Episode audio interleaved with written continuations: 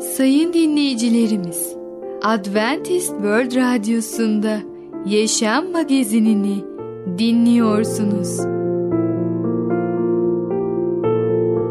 Yaşam Magazinine hoş geldiniz. Önümüzdeki 30 dakika içerisinde sizlerle birlikte olacağız. Bugünkü programımızda yer vereceğimiz konular merhamet ve karakter, ışığını yaymak, New Mexico ve dönüş.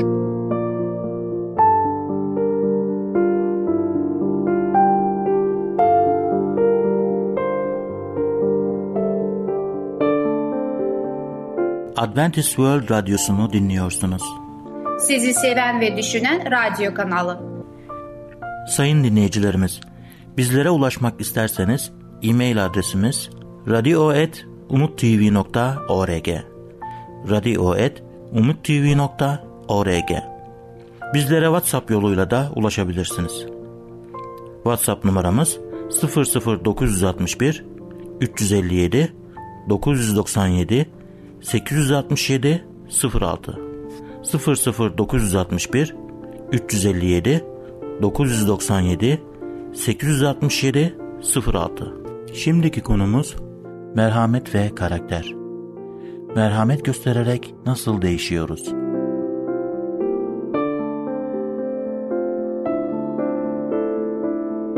Merhaba değerli dinleyicimiz. Bereket Dağı'ndan Düşünceler adlı programa hoş geldiniz. Ben Tamer ve Kedrin. Bugün sizlerle birlikte olacağız. Bugünkü konumuz merhamet ve karakter. Ketrin Hanım, siz ailede nasılsınız? Mesela kardeşleriniz, kız kardeşiniz, erkek kardeşiniz var. Onlara merhamet gösteriyor musunuz veya bazen onları çok mu yargılıyorsunuz? Yargılıyoruz değil de bazen baskıcı oluyorum bir abla olarak vazifemi yerime getirmek için baskıcılık uyguluyorum diye düşünüyorum. Ama yargılamak pek istemiyorum. O konulardan kaçınıyorum. Ama bazen belki de istemeden yapmış olabiliyoruz. Haklısınız. Ben de aynı soruyu kendime soruyorum. Mesela evliyim, çocuğum var. Bazen toplumda yargılamayacaksın, merhametli olacaksın diyorum ama öz evladıma karşı da bazen çok sert olabiliyorum. Hatta yargılayıcı da olabiliyorum. Gerçekten bu konuda kendimi geliştirmem lazım. Toplumda merhametli bireyler olarak görünebiliriz. Aynı zamanda aile içinde ve en yakın olanlara karşı merhametsiz olabiliriz. Evet biliyor musunuz insanlar inandıkları Allah neyse ona benzemeye çalışıyorlar. Hatta bu fikri başka türlü söyleyeceğim. İnsanların yaptıkları işlerden ve eylemlerinden nasıl bir Tanrı'ya inandıklarını anlayabilirsiniz. Eğer insan ona verilen işi doğru düzgün yapıyorsa demek ki onun inandığı Tanrı da düzen tanrısıdır. Eğer bir kişi mesela şeyde çalışıyor, McDonald's'ta veya başka bir firmada çalışıyor ve orada hamburgerleri çok iyi bir şekilde paketliyor. Verilen işi çok titiz bir şekilde yapıyorsa demek ki onun inandığı Tanrı da titiz bir Tanrı. Veya insan çok lavali davranıyorsa, verilen görevleri yapmıyorsa onun inandığı Tanrı da ona benzer bir şeydir. Eğer biz Yüce Allah'ı doğru bir şekilde anlıyorsak ve doğru bir şekilde hayatımızda yansıtıyorsak o zaman bizim eylemlerimiz de inandığımız Tanrı'ya benzeyecek. Ve şimdi merhameti konuşuyoruz ve merhametin değeri nedir diye konuşuyoruz. Ve bunun cevabı olarak da neden bu kadar uzun süre merhamet, merhamet, merhamet söyledik? Çünkü bu merhamet ve merhamete olan bizim tavrımız aslında bizim karakterimizi etkilemiyor mu? Etkiliyor, etkilemelidir. Çünkü Rabbimiz daha önce sizinle birlikte de önceki programlarda konuşmuştuk. Allah merhametlidir. Peki Allah merhametliyse biz onun e, çocukları olarak bu dünyada yaşıyorsak biz de merhametli olmalıyız. Demek ki bu karakterdeki çizgisine sahip olmalıyız. Bizim karakterin daima kendimizi sınamalıyız. Benim karakterim nasıldır? Ee, ben herkesle merhametli davranıyor muyum? Gerçek Mesih öğrencisiysen sen doğal olarak merhametli olmalısın. Eğer merhametli değilsen Mesih'le bir alakan yoktur demektir. Ve ister tüm kutsal kitap doktrinlerini ve öğretişlerini çok iyi bil. Bu seni gerçek Mesih öğrencisi asla yapmaz. Ve buna ek olarak 2. Korintiller'de 1. bölümü 4. ayeti okumak istiyorum. Sıkıntıya düştüğümüzde her zaman bizi teselli eder. Biz de Allah'tan aldığımız teselliyi her türlü sıkıntı içindeki insanlarla paylaşırız. Yüce Allah merhametlidir ve biz de sıkıntıya düşen insanlara yardım edeceğiz. Çünkü bizim inandığımız Allah insanlara yardım ediyor. Bizim inandığımız Allah merhamet gösteriyor insanlara. Allah'ın bize verdiği örneğe göre biz de demek ki etrafımızdaki kişilere merhamet göstereceğiz. Hatırlayın İsa Mesih'in sözleri neydi?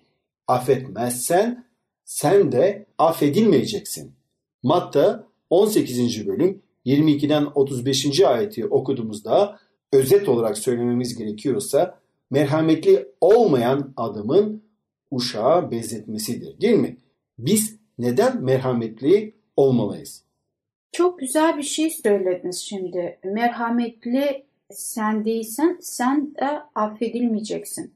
Gerçekten biz Allah'ın tarafından eğer büyük bir günah işlediysek ve Allah bizi affettiyse o bize çok iyi işleyecek, bize çok dokunacak ve bize daima hatırlatacak. Allah seni affetti. Sen ona o kadar mutlu oldun ki diğer insana da bu durumda ol- olacağı zaman sen de ona karşı affedici olacaksın. Allah'ın merhametini ve inayetini hayatımızda biz hissedeceksek gayet doğal olarak diğer insanlara da karşı merhamet göstereceğiz. Çünkü bu Allah'ın bir gücü bizde değişim yaratacak, bizi değiştirecek ve öyle olmamıza yardımcı olacak. Bu şekilde insanlar bizim Allah'a inandığımızı anlayacaklar, görecekler. Çünkü Allah'ın merhametini ve affedici lütfunu hayatlarında alacaklar ve doğal olarak diğer insanlara karşı da merhametli ve sabırlı davranacaklar. Bu bir zincirleme gibi olacak. Ben bir insana merhamet gösterdiğim zaman o insan da başka bir insana merhamet gösterecek. Bu şekilde aslında Allah bizden bekliyor. Biz bir ışık olarak toplumun içerisinde olmuş olacağız. Bugün haydi hep birlikte bunu yapalım.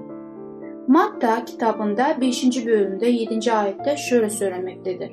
Ne mutlu merhametli olanlara çünkü onlar merhamet bulacaklar. Kanun kitabı olan Talmud da şöyle yazılmıştır. Merhamet gösterenlere sema yani gök merhamet gösterecektir. Gerçekten merhamet gösterenlere Allah merhametini gösterecektir. Değerli dinleyicimiz, bugün merhamet ve karakter hakkında konuştuk. Bir sonraki programda tekrar görüşmek dileğiyle hoşçakalın. Programımızda az önce dinlediğimiz konu merhamet ve karakter.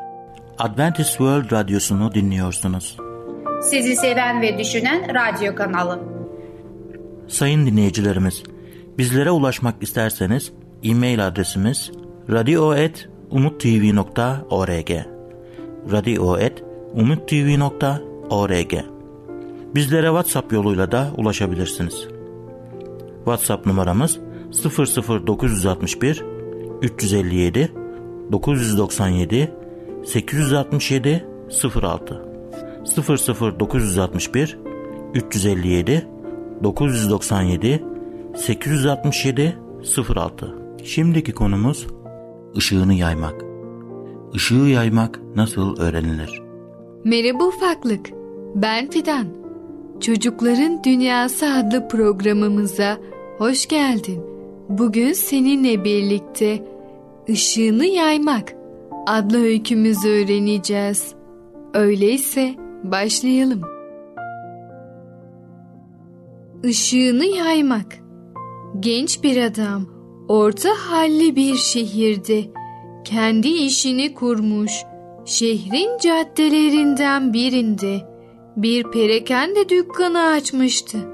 Kendisi hem dürüst hem de dost canlısı olduğundan ve fazla kar etmeyi önemsemeyip dükkanındaki malları biraz ucuza sattığından kısa zamanda şehirdeki herkesin uğrak yeri haline gelmişti dükkanı.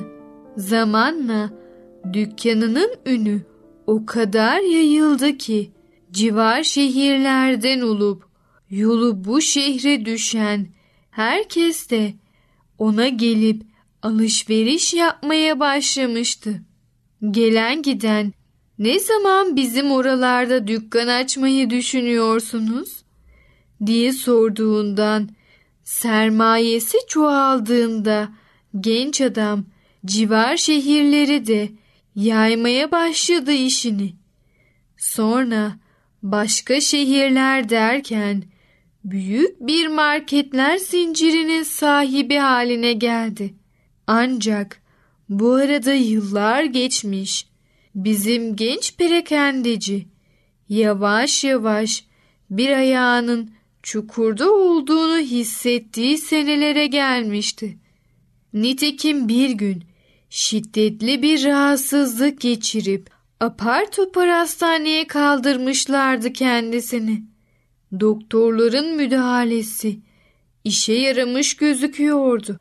Ama adam ölümünün iyice yakın olduğunu düşünmeye başlamıştı hastane odasındayken. Hastanede kaldığı günlerden birinde onun yokluğunda işleri götürmeye çalışan her üç oğlunu yanına çağırdı adam. Artık yaşlandığından her an ölmesinin de mümkün olduğundan ve bu durumla ilgili duygu ve düşüncelerinden söz ettikten sonra söylemek istediği asıl konuya geldi. Üçünüz de benim oğlumsunuz. İçinizden hangisi şirketimizin başına geçecek? Buna karar vermem zor. Ben öldükten sonra da bu yüzden birbirinizle kötü olmanızı hiç istemiyorum. O yüzden hanginizin işin başında olmayı hak ettiğini karar vermek için sizi sınamaya karar verdim. Üçünüze de 10 lira vereceğim. Şimdi gidip yalnızca bu 10 lirayla öyle bir şey alacaksınız ki akşam getirdiğinizde şu odamı bir uçtan bir uca dolduracak. Haydi şimdi yola düşün bakalım.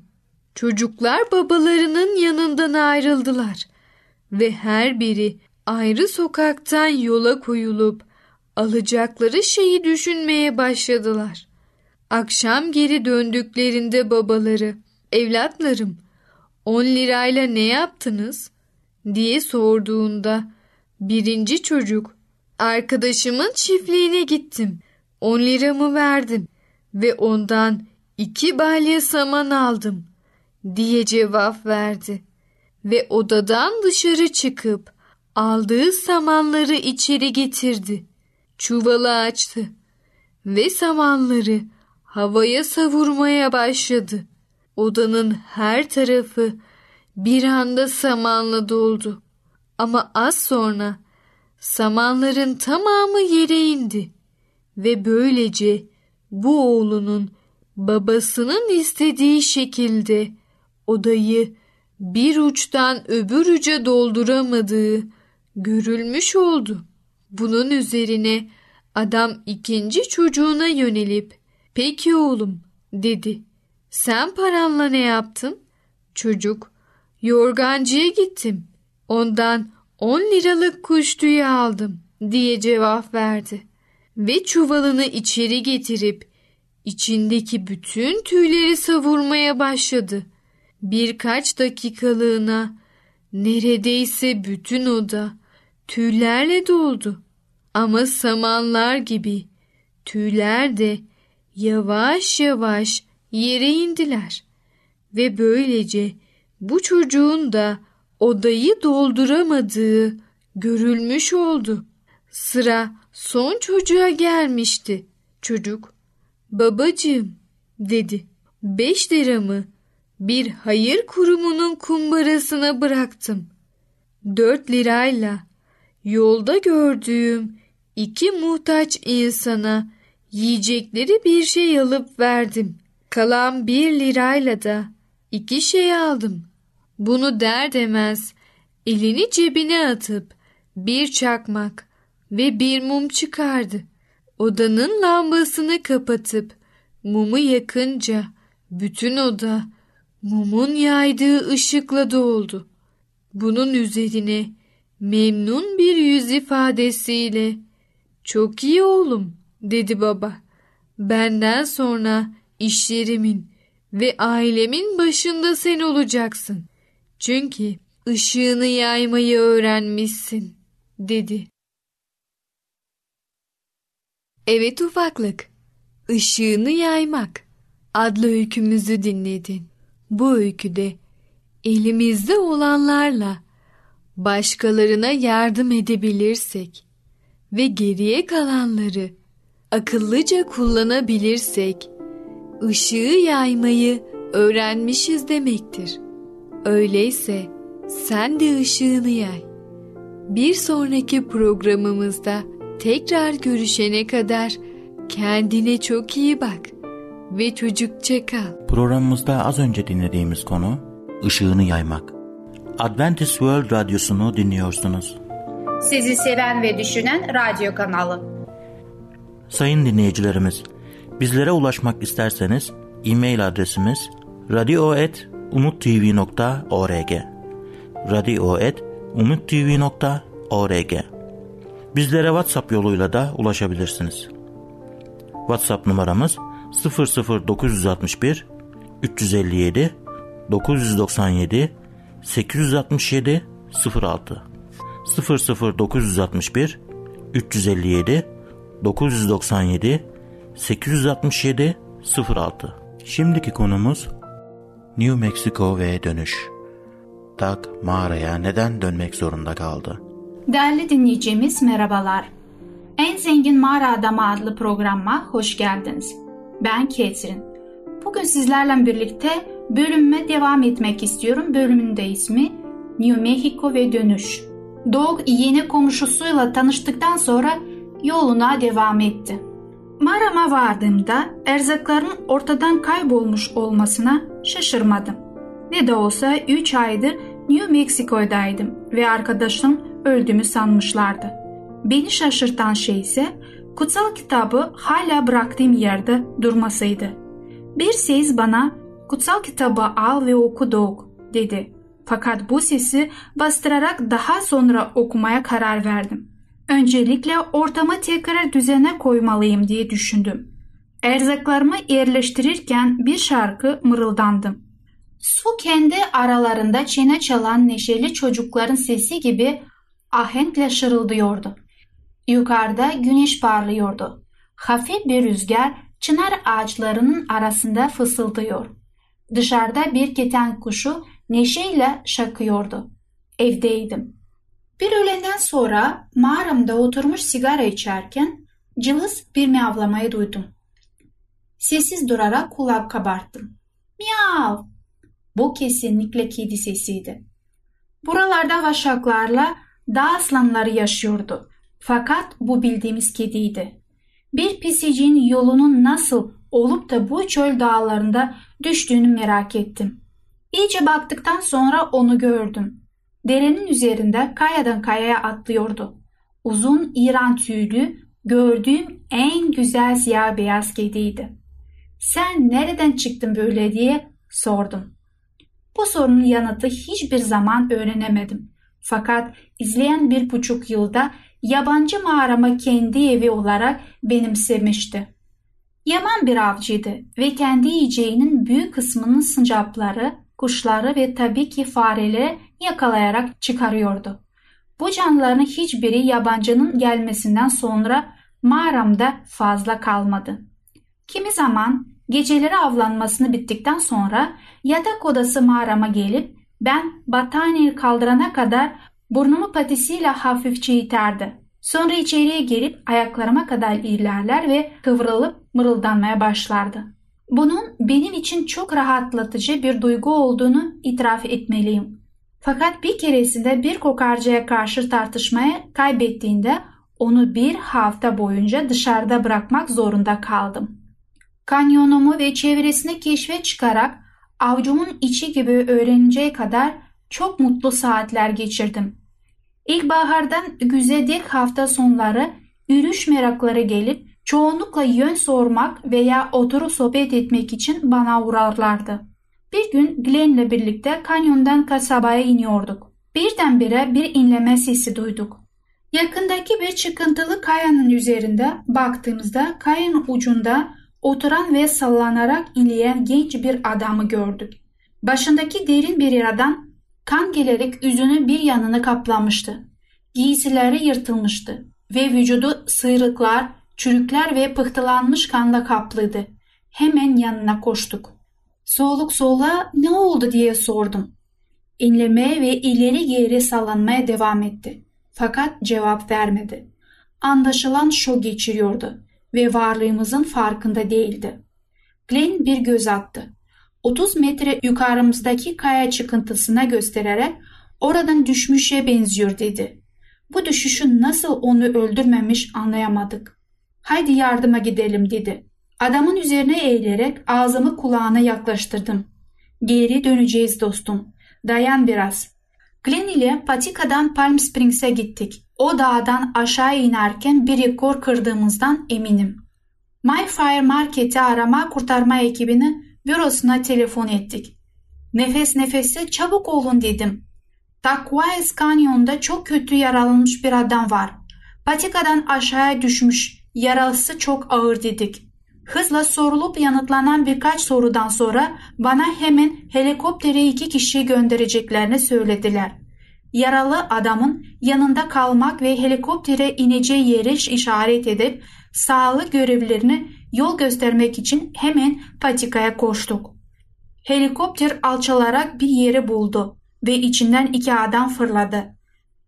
Malzemeleriyle birlikte yaralı adama koşarlarken pilot da motoru çalışır halde tuttu. Glenn ile kenarda durarak izledik. Sağlık görevlileri hemen adamın yaşamsal belirtilerini kontrol ederek entravenöz uyguladılar ve adamı sediye bağladılar. Helikopterin inebileceği düz bir alan yoktu. Bu yüzden yetenekli pilot kızaklarından birini küçük bir uçurumun kenarına kondurdu. Dördümüz yaralı adamı yamaçtan yavaşça helikoptere taşıdık. Zavallı adam ayağımızın her kayışında inliyordu. Helikoptere yaklaştığımızda kendi güvenliğimizden endişe duymaya başladım. Dönen pervaneler etrafımızdaki havayı karıştırıyor. Girdap gibi dönen havanın içinde tozlar ve kaktüs topları her tarafa savruluyordu.